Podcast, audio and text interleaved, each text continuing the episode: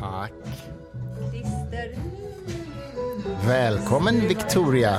Vad är det här för en liten Till- la- lounge du har här? Välkommen till den gyllene grenen. Nej men, Avsnitt 24 tror jag. gud vad vi håller på. Ja. Det är så kul. Vi, det här är ju Rufus Wainwright som du ju mycket väl vet. Ehm, jag sänker det lite grann så att vi kan prata. Sänker honom. Sänker honom. Eh, vi poddar ju lite tidigare nu eftersom du ska åka till Småland. Ja, Så, att det är så det, har- hemskt. Och mysigt. så det har inte gått riktigt lika många dagar sedan förra podden Nej. spelades in. Men den Men- publiceras som vanligt på söndagar. Men det hindrar oss inte från att dricka champagne. Nej, för bövelen. Mitt i veckan. Skål! Jättemysigt. Och, Oj, oj, oj, oj. Det här var ju mm, dessutom den du? ovanligt lyxig champagne. Jag får ta en bild på den också och lägga Ja, ut. det. Visste du att Rufus Wain, Wainwright har barn med Leonard Cohens dotter? Nej. Det, var har han. det har han. Jaha. Ja. Men är inte han gay? Ja, hur, kan, Det är inget hur, hinder gör man, förstås. hur gör man då? Hur gör man då? Jag vet inte om du är så intresserad av det här med vetenskap och sådana saker, men du förstår att nu för tiden, Kan man göra det på andra sätt? ska jag, ber- jag kan berätta för dig efter podden hur det går till. Intressant. Men han är gay, eller hur? Ja, verkligen. Han lever ju med en konsthandlare såklart, eh, i Berlin, såklart. Låter så härligt. De har varit ihop i hundra år också. Det är som Anthony Kwame Appiah som vi har gett ut, eh, moralfilosof, fantastisk person som lever tillsammans med en editor som ju just nu har glömt vad han heter, på The New Yorker, tror jag det är. Det, de två är också sånt där fantastiskt intellektuellt New York-par. Som, eh, vi hade ju Anthony Kwame Appiah här för något år sedan när vi släppte hans bok Identitetsillusionen, men då var inte hans man med. Men eh, det, nästa gång skulle man vilja ta hit båda gör det. och äta middag Jag med dem. ju när jag Det är kul med såna Ja, jag vet. Jag blir så inspirerad av dem också, för jag ser dig och mig i dem så mycket. Gör inte du det? På något vis. jag tycker att de enda som kan... inte. De, en, nej, Ja, inte. typ, typ, typ. Ja. de enda som kan tävla med oss i lycka, Mm. det tycker jag är de här jätte livsnjutar, harmoniska gayparen som varit ihop jättelänge. Jag känner igen oss i dem jättemycket. Det är så roligt. Vi, min kära kollega på förlaget, Martina, eh, höll ju ett tal på vårt bröllop där hon jämförde dig och mig med par, det gifta paret Steven Pinker och Rebecca Goldstein. Ja, det var generöst. Eh, Det var väldigt generöst. Måtte Jag- aldrig nå dem, Eh, bara. Nej, men precis. Men det roliga är ju att det roliga är att om man nu ändå dristar sig till att vara så högmodig så att man gör den jämförelsen, Mm. så är det ju du som är Steven Pinker och jag som är Rebecca Goldstein, vilket är lite kul. Är det? Ja, det, tyck, det tycker jag nog. Och vet du varför det också stämmer så bra? Nej. Därför att hon är ju äldre än vad han är. Är hon det? Ja, hon är typ tio år äldre än Steven. Det visste inte jag. Nej, det har du. Jag lärde känna Rebecca innan de, i alla fall innan jag visste att de var ett par. Det är möjligt att de hade träffats då, det är oklart. Men hon är en fantastisk person, filosof, professor i filosofi. Skriver både skönlitteratur och facklitteratur. Expert på Spinoza. Eh, ja, precis. Eh, Precis, bland annat. Och skrev ju en biografi om Gödel och sådär. Eh, det är klart, där har ju du likheter som skönlitterär författare. Det, kommer jag ju aldrig vara i närheten av. Men hon är ju ändå, ja, båda i och för sig sekulära humanister, så det är inte riktigt, men hon, jag vet inte, jag identifierar... Ja, men jag så vad vi du träffades ju på Steven Pinker-event. Ja. Så att du har ju liksom följt Steven Pinker hela ditt liv. Jag har följt Rebecca Goldstein, tror jag, mer än Steven Pinker. Så är det. Så i hon, den var, meningen- hon var ny för mig. Ja. Jag, visste, jag visste vem hon var vid namn och att hon också var filosof. Mm. Men inte mer än så alls. Och, och helt ärligt hemskt så var det ju, jag gick ju för att se honom. Eh, Mm. Inte för att se till. mig alltså. Jag visste, jag visste ju inte, jag visste jag inte var att du jag skulle vara där. Jag vet, jag, Jag bara visste, det var ju det som var när jag satt där i publiken och var febrig och eh, halv, jag hade väl kanske inte jättemycket livskraft just den kvällen. Det var innan pandemin, vill vi understryka bara. Så att inte någon tror att du var ute och var febrig under pandemin. Det var jag som var, vad heter det, patient, nej inte patient zero. Jo, patient noll. Jo, det var du inte. Nej. Nej. Ja, men när jag satt där i publiken i alla fall, då så redo att se Steven Pinker, som du vet så hade jag ju sett honom flera gånger tidigare. Mm. Och kul bara att han kom till Stockholm. Men då kom ju du ut på scenen istället. Och jag tänkte, Istället för Pinker. Du bara, vad fan, fan är det här? kan man lämna tillbaks biljett? Helvetet. Du, nog om det. Nej, nu vill jag säga det Ja, här. Okej, okej, okej. Du var så snygg. Nej, men sluta. Ja, jag, visste, jag, jag tänkte, vem är det där? Det där, jag känner igen, eller nej, jag vet inte. Och sen så tänkte jag faktiskt på riktigt, han och jag kommer prata.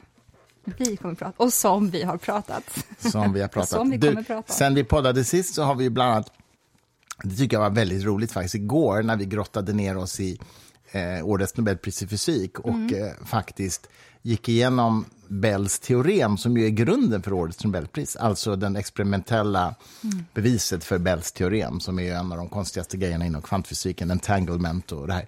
Och eh, det var faktiskt första gången som jag har begripit ordentligt, alltså att man kan visa varför de här partiklarna inte kan ha några egenskaper i förväg, utan att egenskaperna uppstår i mätögonblicket.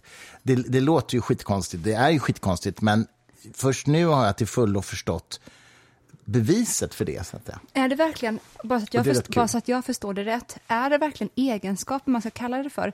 Eller är det så att eh, sättet som de påverkas på uppstår eh, när de är ifrån varandra? Men är det verkligen Nej, när de egenskaper? mäts. När de mäts, ja. Men är det verkligen egenskaper? Ehm, ja, ja, Indirekt kanske det blir det, eftersom de avslöjar någonting om sig själva genom effekten som mätinstrumentet Ja. ger dem. Ja, ja nej, men det, det har du ju helt rätt i såklart. Alltså, ha- hade det varit klassisk fysik så skulle man ha kallat det egenskaper, men eftersom det inte är det, utan det är kvantfysik, så, så har du ju rätt i att det finns inget bra ord för det, för att de har ju inga egenskaper Nej, innan de mäts. Så att de här attributen uppstår när de mäts. Förutsätt... För, eh, ja, vi De får, men de får egenskaper när de Ja, mäts. precis. Och på samma sätt. Ja, ja precis, som, som en klassisk partikel. Men den, innan de mäts så är de, de egenskaperna bara en sannolikhet. Och, och just i de här fallen då så är det ju eh, varje egenskap man mäter kan vara på ett av två sätt och sannolikheten är 50-50, alltså den är slumpmässig huruvida de kommer att ha uppåtspinn eller nedåtspinn till exempel. Det är helt, det är helt slumpmässigt. Men när de mät, och, och, och enligt kvantfysiken då så har de båda de egenskaperna med 50 chans innan. Eller alltså, ingen där beroende på hur man vill uttrycka det. Och sen, sen bli, vid mätningen så får de den ena av de två möjliga. Kallas det för entanglement? He, är det ett ord? Eller Entanglement, ja, entanglement är, är något annat. Entanglement är att två partiklar egentligen är samma objekt, även fast de är långt, långt ifrån Säg, Gud vad varandra. sjukt, jag trodde det var det vi pratade om. Jo, men, ja, men det hänger ihop med det här. Det hänger ihop med det här. För att alla, parti- alla kvantpartiklar, oavsett om de är entangled eller inte, ha- har den här egenskapen att deras egenskaper bara är en sannolikhet. Men i det här fallet, och de här experimenten med entanglement som Bells teorem handlar om, handlar om att två partiklar är korrelerade på ett sätt som de inte skulle kunna vara enligt klassisk fysik. Vi får lägga Och- ut en länk till det. Ja. Jag vill bara säga en sak som är rätt kul innan vi släpper det. Ehm, Det finns ett annat tankeexperiment som är känt inom kvantfysiken som kallas för the bomb testing problem. Där man använder en annan egenskap inom kvantfysiken, nämligen det här berömda dubbelspaltexperimentet. Du vet att ett, en partikel kan gå i, någon mening gå genom två spalter samtidigt. Fast med en annan tolkning går det bara genom den ena. Eh, Sådär. Jag ska inte gå in på detaljer nu, för det blir långrandigt. Men det finns ett väldigt intressant eh, tankeexperiment som också är verifierat experimentellt som man kallar för the bomb testing problem. Och Det bygger på följande grundidé. Tänk dig att du har i ett skåp ett antal bomber. Vi- Vi ska inte gräva ner oss i varför du vill ha bomber. Det finns så många anledningar. Det finns många andra. Men de här, de här bomberna som ligger i det här skåpet, de har en utlösare på sig eh, som utlöser bomben. Varje bomb har en utlösare. Och den utlösaren eh, löser ut bomben om den träffas av en ljusfoton. Så de ligger i ett väldigt mörkt skåp, som du kan förstå. För annars så smäller det. ja, i alla fall. Eh, och grejen är så här, en del av de här bomberna är trasiga. Eller rättare sagt, den här em, utlösaren är trasig. Men du vet inte vilka. Enligt klassisk fysik så finns det inget sätt att ta reda på det med mindre än att bomben Ta smäller. vad? Vilka Eh, som är- vilka som är trasiga, vilka som, okej, mm. vilka som så att säga, kommer smälla om du vill använda dem till att smälla någonting. Mm. Det finns inget sätt att ta reda på det enligt klassisk fysik, därför att om du liksom testar utlösaren så smäller bomben, om du förstår vad jag menar. Ja. För det enda sättet att kolla om den här utlösaren är, är, är, är trasig eller inte, det är att skicka en foton på den och se om det smäller. Ja. Men tack vare kvantfysikens konstiga egenskaper så kan man rigga en, ett experiment där en partikel så att säga passerar den där utlösaren och, och, och, samtidigt inte passerar den här utlösaren på ett sånt sätt så att vi kan ta reda på vilka bomber som är hela men ändå inte utlöses. Det vill säga, vi kan alltså få kunskap om det här objektet utan att interagera med det. Ja. Vilket inte går enligt klassisk vi fysik kan få överhuvudtaget. om det här Ja, vi får, vi får en, utan att interagera med ja, det. vi, får, vi, vi, kan alltså, vi kan alltså ta reda på vilka bomber som är hela Wrap your head around that. och, in, och skulle kunna användas utan att testa att de är hela. Det är ganska coolt. Det är fantastiskt. Det finns ju jätte, jättemånga bra filmer på Youtube som man kan kolla på om detta. Ja, det gör det faktiskt. Ehm, Nåväl, det var årets Nobelpris i fysik. Vad har hänt mer, älskling, sen sist? ehm, vi har ju haft väldigt sköna dagar, du och jag. Vi var så Bowie i söndags. Och... ehm, Var det i söndags vi såg? Nej, jo, det var det. Eller i måndags var det. Det spelar ingen roll. Nej, just det. Men- Nya, alltså Bowie-dokumentären, Bo- ja. ja. Ja, herregud. Det var, var verkligen mindblowing. Ja, det var verkligen det. Bo- Rent fysiskt faktiskt, för den var två och en halv timme. Och den var extremt intensiv i ljud och bilder och ljus. Och jag fick också lära mig att han som hade gjort den har också gjort den här, en av mina favoritdokumentärer som heter The Kid Stays in the Picture. Som handlar om Robert Evans, som är en eh, kultförklarad producent i Hollywood. När Hollywood var i sin eh, gryning när det gällde då färgfilm och det här Brat Packet dök upp som bestod av eh, Coppola såklart och Spielberg och Scorsese och mannen som gjorde Scarface, som jag alltid glömmer bort vad han heter. Då så var alltså Robert Evans den producenten som såg den här massiva talangen och gjorde dem till superstjärnor. Han producerade och såg till så att de fick finansiering till sina filmer.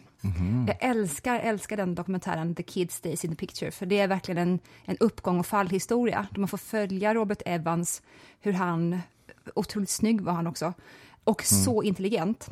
Den, jag tror den börjar med att han har, man får se hur han har möte med Coppola. Då är det alltså tidigt 70-tal. När han har gjort Gudfadern 1. Det var ju en bok från början. Av eh, Mario... Nej, Mario Puzo? jo, Puzo, jo, eller ja. ja, just det. Jag Mm. säger alltid Nino Rota, men det är fel Nej. för att det är Nino Rota som gjorde musiken. Men i alla fall, Robert Evans har då möte med Coppola för att han har då precis fått se det första materialet som Coppola har spelat in och visat honom. Och då är filmen en och en halv timme lång och Coppola har redan gått över budget. och Coppola är typ så här, ja, klart, vad tycker du? Och när Robert Evans får kommentera det här själv, när han är gammal, så säger han mig veteligen är jag fortfarande den enda producenten i världshistorien som har bett en regissör att göra filmen ännu längre. Det För det innebär så mycket pengar. Ja. Han hade redan gått över budget och det slutar med att den är två och en halv timme lång. Men han såg det. Robert Evans såg det. Är den två och en halv timme? Ja, 2.20 då. För det trodde jag var ett väldigt modernt påfund. Alltså filmer nu för tiden är ju så långa ibland. Men Ja. det trodde jag inte de var då. Men Jo, han är ett absolut. undantag kanske. Jo, Ja, men inte lika vanligt väl?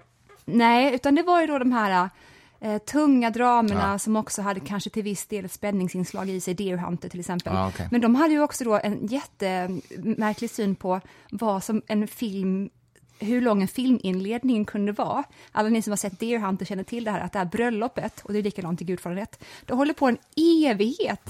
Vi bara åker runt och ser massa människor som firar att de ska gifta sig. Och subtilt då, och på ett extremt, man måste ha en uthållighet, så äter vi på något vis, vi tillgodogör oss verkligen de här inbördes relationerna, när vi får se de här människorna samtala med varandra under kvällens gång. Och det gör då att vi känner ännu mer i slutet på Deer Hunter, när man förstår att de två männen som var båda kära i samma flicka ska nu spela rysk roulette mot varandra i kriget. Usch, ja. Mm. Ja, nu minns jag. Mm, Ja, den, det är otroligt. Men visst är filmer i genomsnitt längre nu än vad de var då? Så är det. Eh, det konstiga är att det är färre filmer, som alla förstår, eh, som blir gjorda, eftersom biograferna lider så mycket idag, och för att streamingtjänsterna finns. Men det paradoxala är att de filmerna som ändå blir lång, gjorda är, så jävla långa Ja, och dyra.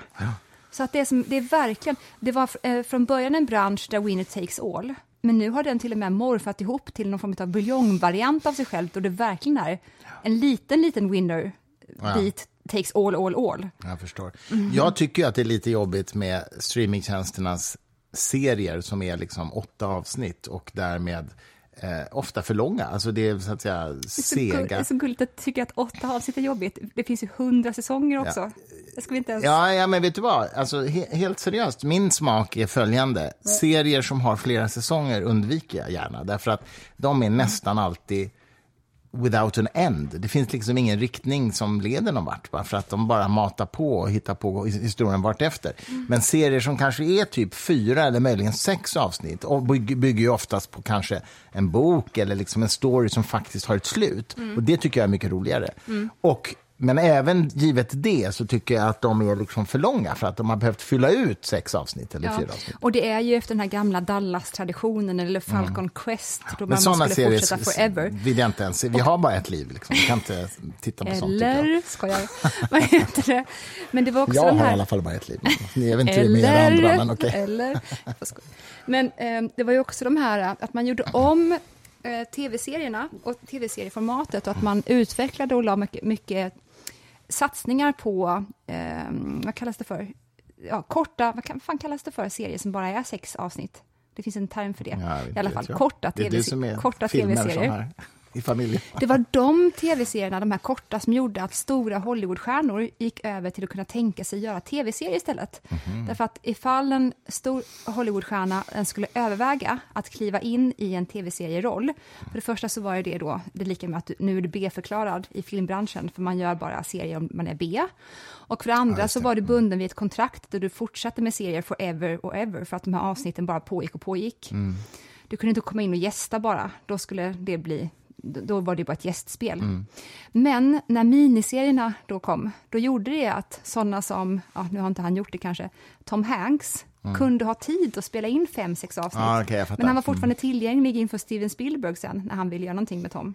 Ja, jag förstår. Jag förstår. Är det miniserier det kallas när det är lite kortare? Ja, Ja. det är det nog, va? Ja, det är det. Jag hoppas ju verkligen på, alltså gud vad det är varmt eller? Det är varmt, det beror ju på att vi har installerat en Kanske sån där... att, kan det vara för att vi sitter bredvid en eld? Kan, kan faktiskt vara det. det är, men det är mysigt ju. Ja, det är det är vår nya kamin här i biblioteket. Ja. Jag vill bara säga det, att vi har skaffat en sån här kamin. Det, men det är faktiskt jättemysigt Det är inför vintern nu. jättemysigt. Men du svettas liksom ingenting eller? Jo, men nu när du säger det så är det lite varmt. Jag trodde att det var jag som kallsvettades över den här podden. Nej, jag skojar. Trist ändå. Jag Ska man ha det mysigt och dricka champagne? Skål för det. Skål. Nej, men min dröm skulle verkligen vara att man gjorde en miniserie om Freud och Jung. Ja, Varför, varför har ingen någon... gjort det än? Men det är för att någon har försökt göra den här filmen The Dangerous Method som handlar om Freud, Jung och Sabine Spielrein. Sabine Mm. Spielrein gick ju då i terapi hos Jung, de inledde en affär. Mm. Jung vill inte skilja sig från sin fru. Sabine Spielrein eh, börjar ta, eh, gå i terapi hos Freud istället, snackar massa skit om Jung. Hon börjar såklart skriva massa brev till alla som finns i Zürich om vilket as Jung är. Var en rättshaverist, liksom. Ja, hon var verkligen... Ja, inte, inte bara det, hon var ju svår. Hon var ju jätte, jätteintelligent, men hon växte upp under fruktansvärda förhållanden. Och så småningom så var det ju så, och nu kommer vi in på något så här, att jag ska tvinga på en konsensus på allting. men Sabine uppfyllde det här som jag tror att många människor längtar på, och det är att man får någonting till slut som bara är intresse starkt nog för en, för att inte ha tid längre för sin skit. Förstår du vad jag menar? Ja, ja, visst. Ja. Många människor håller ju på och ältar Mm. Är i evigheter och begränsas emotionellt för att de får så mycket eh, känslopåslag i olika situationer. För de har inte identifierat sin daimon ännu. Exakt! Eller hur? Ja, ja. Och ifall människor där ute bara hittar någonting som är uppslukande nog för dem och som gör att de blir upptända. Alla vet hur det känns när man blir engagerad och inspirerad på ett sätt som gör att man kan inte hindra sig själv. Man ger sig i kast med det. Man viker alltid till detta som man bara har över, eller t- tillgodogör det. Då hinner man inte längre tänka massa tankar om vem som gjorde vad. Nej, Eller vad som det hände med mig. Därför att du har nu någonting som du vill skapa och du måste bygga det. Och du har ett mål med det och du vill få ut det på något sätt. Men du, tänker du att alla människor har en daimon, alltså i den här meningen? Absolut. Jag, jag är kanske inte lite, jag kanske lite mer, vad heter det, mörkare människosyn på just den punkten. För jag tror att det finns människor som inte har någon daimon, utan de bara... Varför tror du det då? Ehm, Vad grundar du det på? Nej, men eh, på att jag har mött människor som jag upplever saknar riktning i livet och som inte har några riktiga intressen. Riktning är ju en sak om jag ska vara petig. För att så här är det, ifall du inte, när det där händer i ditt liv, att du blir så pass entusiasmerad, mm. om du inte lyder det så finns det ju massa olika sätt då du kan, du kan kväva den entusiasmen på mm. genom att renovera ditt kök istället. Mm. Ja, genom att dricka för mycket, genom att äta för mycket, mm. genom att näthandla lite till, mm. genom att vara på Instagram lite till. Och så bara till slut så mm. kväver du det där som, ja. som tryckte sig uppåt. Nej, men alltså, du har ju naturligtvis rätt i det, om det nu är det du säger, att, att vi kommer ju aldrig kunna veta, om en person aldrig uppvisar sin diamond så kommer vi ju aldrig veta om den personen har den men inte har hittat den, eller om den inte har den. Det är ju på något sätt en olöslig fråga. Det är sant, men alla människor tror jag kan svara på en fråga, om de bara funderar en kort stund. Och det är, när känner du dig mest levande? Mm. Och den instinktiva, eh, instinktiva svaret är ju såklart då när jag är med mina barn, och det är jättebra, mm. eller när jag är med min livspartner, och det är underbart såklart. Men ifall man tvingar dem och håller fast dem och säger, men om det här bara får ha med dig att göra, mm, mm, bara med dig att göra, mm. när är du som mest levande? Mm. Då har alla ett svar på det. Och där är den. Mm. Det där är intressant. det där är jätteintressant. Mm. Ja, jag kan säga, om jag sorterar bort precis det du, som du sa nu, att man sorterar bort de där liksom stora gesterna om när man känner sig levande och bara titta på en, liksom en sån här grej som man kan göra i, i det lilla, när, mm. som får mig att känna mig levande.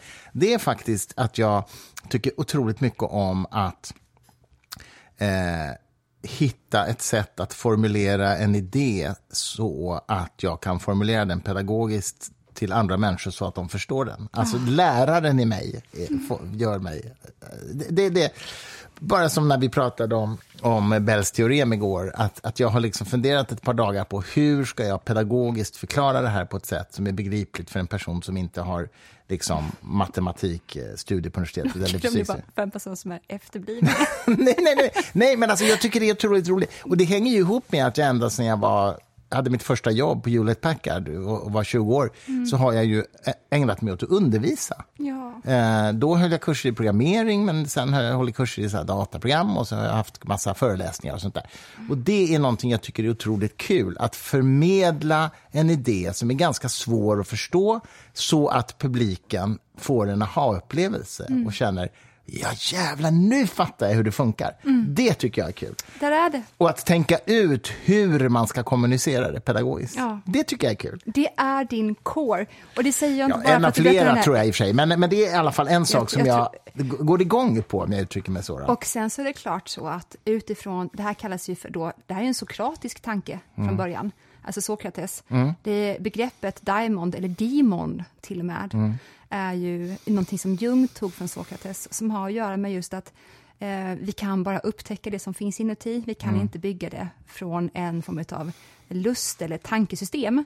Eh, och eh, Sokrates tog det till och med så pass långt så att han frågade sin diamond, eller demon, vad han skulle göra mm. i de eh, väsentliga livsvalen han stod inför. Mm. Och det var ju till och med så att när han då blev åtalad för ungefär en man kan säga att han var en förgrundsgestalt till Jesus blev åtalad för uppvigling. Sokrates. Sokrates mm. För uppvigling och för att han hade då massa möten där han samlade unga mm. män gemensamt mm. och undervisade dem. Mm. Och man tyckte då att det här är uppenbarligen ett, ett hot mot statsmakten, ja, att han ska mm. bilda någon submakt mm. där ute. Så då dricka. Ja, förlåt. Ja, och då var det så att eh, den grekiska staten, så, såklart inte eh, grekisk så som vi menar grekisk idag, tog honom och gjorde det de alltid gjorde med den sortens personer som mm. Sokrates var. De sa nämligen så här, du har ett år på dig att lämna landet. Mm. Om du inte gör det kommer du stå åtalad mm. och garanterat dömas till döden. Mm. Giftbägaren. Och då frågade Sokrates sin Diamond, vad ska jag göra? Vad ska jag göra? Mm. mm. Och så valde han giftbägaren. Och då sa den, du ska stanna kvar. ja. Hade inte ja, den, det vad det nu är för någonting inom oss själva, vi består av så mycket saker inom oss, mm. att vi bara ska tro att vi är ett jag där inne, då förlorar man, man snäver verkligen all den enorma resursbank vi besitter. eh, att han då ska ändå utsätta sitt eget liv och säga ja till döden indirekt, det är ju att han eh, har en övertygelse som är mer värd än bara hans liv, eller hur? Mm. Ja, men visst. Och det är tack vare, jag tror, jag tror inte att vi, jag tror inte att Sokrates hade varit så bevarad för oss idag ifall inte han hade gjort så och levt sin övertygelse i hela världen. Det tror jag verkligen du har helt rätt i, faktiskt. Sokrates var ju också... Nu har jag, som det är ofta i vår podd, så har jag ju... Ska jag berätta en sak nu som jag inte riktigt kan namnet på, dessvärre. Men han, hans, den sokrat, sokratiska metoden, som ju handlar om att eh, i dialogform få den man talar med att inse att hens resonemang är mm, eh, in, eh, inte håller ihop, så att säga. Mm. Eh, Sokrates ville ju föda fram en insikt hos den han pratar med. Mm. Det kallas någonting som jag har glömt just nu, det får, det får ni googla på, ni som lyssnar, men mm. som, som har att göra med födelse, helt mm-hmm. enkelt. Och som, som jag har förstått det, som Sokrates hämtade från sin mamma som var barnmorska, eller så att Aha. säga. Hon förlöste nyfödda barn. Ja. Och den här sokratiska metoden som har fått sitt namn ifrån detta ha, handlar om att att inte tala om för en person, nej du tänker fel, du har fel, så här är det. Nej. Utan få den personen att själv upptäcka ja. att, att han tänk, eller hen tänker fel. Det är det som är psykologi idag. Ja. Det är ju aldrig så att en psykolog säger till en hur man ska tänka eller göra, nej. utan det är ju genom samtalet. Psykologi i den formen som vi har det idag hade inte funnits heller om det inte hade varit för Sokrates, tror jag. Eller någon annan Jeppe hade kommit along någon gång och satt sett till så att vi hade den här eh, yrkesgruppen också. Men vad jag vill, mm. eh, det var någonting mer som jag ville säga. Jo, någonting som jag tycker är frustrerande när man pratar om sådana här frågor, eh, eller när någon gör det i offentligheten, i tidningar eller media. Mm. Jag kan höra i min hjärna när jag berättar det här om Sokrates, hur någon programledare på TV4 Nyhetsmorgon säger, så hur ska man veta om det svaret man får inifrån är rätt då? Just TV4, ja precis. Jag ja, du, hör, du, kan ju se det framför ja, dig. Så hur ska, man, hur ska man veta att det är rätt då? Ja, ja. ja. för det första, det vet du ju inte direkt. Nej. För att i det här livet är det aldrig så att snabba svar är de mest pålitliga. Du får ju ett svar inifrån och sen får du väl prova att leva efter det då and see how the fuck that is going. Mm. Om ditt liv har förbättrats, förbättrats på otaliga sätt mm eller något sätt bara, inom, säg, ge det ett halvår, mm. då har ju det uppenbarligen varit rätt svar. Kanske ett, behöver du ge det ett år till och med. Så du behöver aldrig veta när du tar ett beslut mm. om det är rätt eller fel. Mm. Lev det! Mm. Det är så du testar det. Jag måste ju ändå säga till TV4s försvar att jag tror att den frågan hade kunnat ställas av SVT Morgon också, för det är inte en jättedum fråga. Men rent principiellt håller jag ju med dig om att det är en viss... Jag ser ju, varken du eller jag ser ju TV4 Morgon, vi ser SVT Morgon som ju är som TV4 Morgon fast för vuxna, skulle jag säga. Mm. Eh, men... men som Horace Engdahl-parafras. Eller hur? Eller, ja, ja. Berlin är som Stockholm fast, fast för vuxna. För vuxna ja. Tyskland är som Sverige fast för vuxna. Ja. Ja. Eh, ja. Nej, men skämt åsido. Eh, ja, jag, jag, tycker ändå det är ändå en adekvat fråga att ställa. Men, men det, du har ju ett väldigt bra svar på det också. Hur ska man veta att det är rätt då? ja, jag ja, inte du kanske inte vet det. Punkt. Adjö! alltså jag skulle vara... Du, när, när jag är med i Nimo, eller i morgonsoffan, du mm. kommer ju sitta där som på nålar och se på mig och tänka, det här mm. kan gå, det kan gå hur, hur som, helst. Som helst. Det kan gå hur som helst. Idag får man säga det att vi såg Norstedts presentation av din bok. Ja, får man säga det? Man får säga det kanske, ja, för den är ute nu faktiskt. Av din nya bok menar jag. Ja. Som heter? Den förklädda guden. Precis. Vilket också är en sorts parma, par, parmafras. Parafras. Parafras mm. eh, på Hjalmar Brantings Förklädd gud. Mm. Det går en förklädd gud ibland oss. Det är så konstigt. Stina Ekblad läser dikt. Så låter det då. Med finlandssvenska. Jag tycker det är jättevackert, så det här är inte för att säger, göra parodi på henne. Att det, det, är inte bara det att du bryter så, det är också att du får en jättekonstig svenska. Stina Ekblad läser dikt. Det ska det här avsnittet heta, vårt poddavsnitt. Stina Äs... Ja, men det är, en, alltså, det är en klassisk inläsning av den dikten som hon gör. Det går en förklädd gud ibland. Ska vi göra så att inför släppet av min bok nummer två så mm. läser du... Nej, nej. Du, du, du kör den. Ja. Så här. Jag har så dålig relation med gudarna. Vet du, Vad så kul det- med det Stina Ekblad. med Stina. Stina och jag, vet du, det, det, det är känsligt. Ja, nej. Jag dör. ja, men i alla fall. Och det är jättefint. Jag tycker jättefint omslag, faktiskt. Jag tycker också det. Jag ska På din nya det på Insta jättesnart. Jag måste bara få det högupplöst. Den första det boken... det spelar och för sig ingen roll på Insta just, men okej. Ja. Tycker du inte? Nej, därför att eh, skärmar har in, är inte högupplösta. Men, bo, men när jag får... Okej, vi tar det här. Det I här är inte, det här är inte kul för er, ens. Det är jättekul. I alla fall, om, eh, om någon jag är IT-nörd, så av, lita på mig. av någon anledning inte har införskaffat den nionde kretsen än, Mm. så kan ni ju göra det, tycker jag. Som är del ett, ja. Det så vi, det del vi talar om nu är alltså del två. Ja, och den kommer på Pocket i november. Del ett. Ja, precis. Den nionde kretsen. Den och det är en fördel kretsen. att läsa den innan man läser del två, ja, som kommer det. i när då? mars? Nej, april, Den va? kommer den 4 april. Mm. Men den första boken då utspelar sig ju 34. Mm. Och tänk er, jag har sagt det här tidigare, men tänk er typ eh, när Lammen tystnar möter Fanny och Alexander. Mm. Där, där har ni det ungefär. Och sen så kanske ni har hört mig någonting i podden tidigare. Och allt jag är intresserad av finns med i de här böckerna också. Det, verkligen. Och precis, ja just det. Och ehm, den nya boken som du nu håller på att göra klart nu utspelar sig tre år senare. Ja, så då är det 36 och ja, två år senare blir det. Tre, ja, Ja. Det står tre på Norstedts sida. hemsida Bra. kan jag berätta, men. Tack, bra, måste vi fixa det. Mm, ingen, ordning, ingen ordning på förlagen alltså. Nej. Nej. Norra Italien blir det mycket av och den börjar på Umedalens mentalsjukhus. Mumindalen? Nej. Fan. Min förläggare Håkan Bravinge. Jag bara, och- den börjar på Mumindalens mentalsjukhus. Se hans min liksom. Det varit kul. Och han bara, och dit bör du också åka, tydligen. Eller hur? Ja, verkligen. Alltså verkligen. gud, alltså de här gamla, det här är hemskt att prata om på ett sånt sätt, men jag gör det i alla fall. De här gamla fina mentalsjukhusen som fanns där ute förr. Mm. Vart blev ni av, ljuva drömmar om en...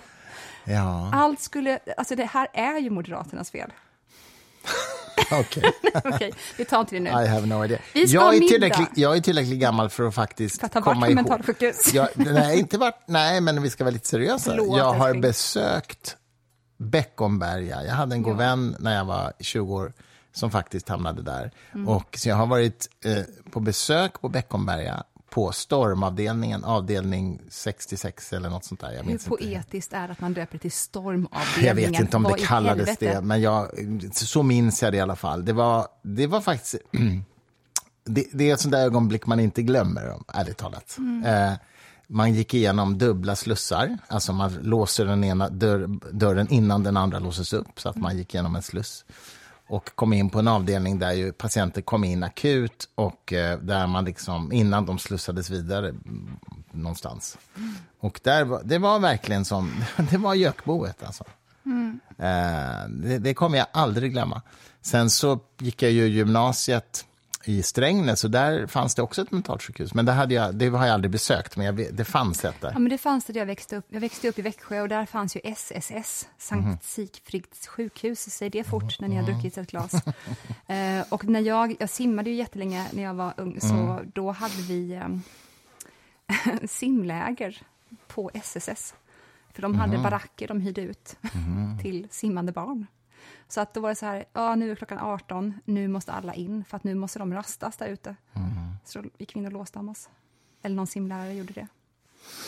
Wow, ja. Nej, men Beckomberga stängdes ju sen och eh, blev ju, eh, jag vet inte ens om det används till någonting annat i, idag. Säkert bostadsrätt eller något sånt. Ja. Jag vet inte faktiskt.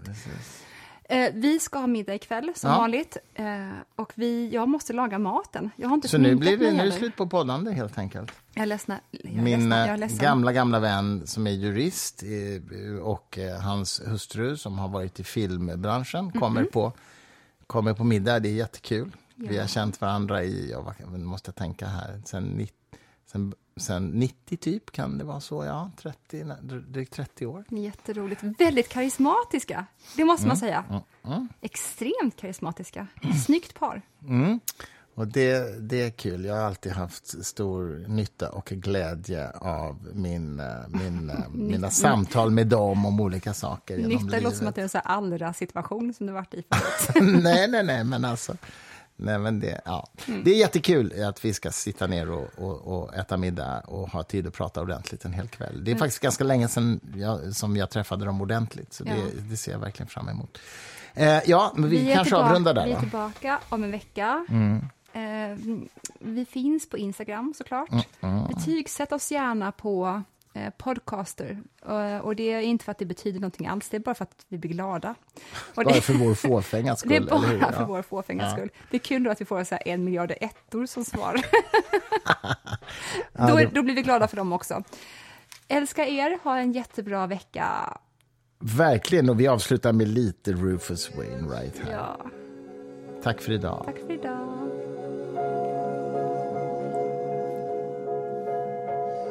Sing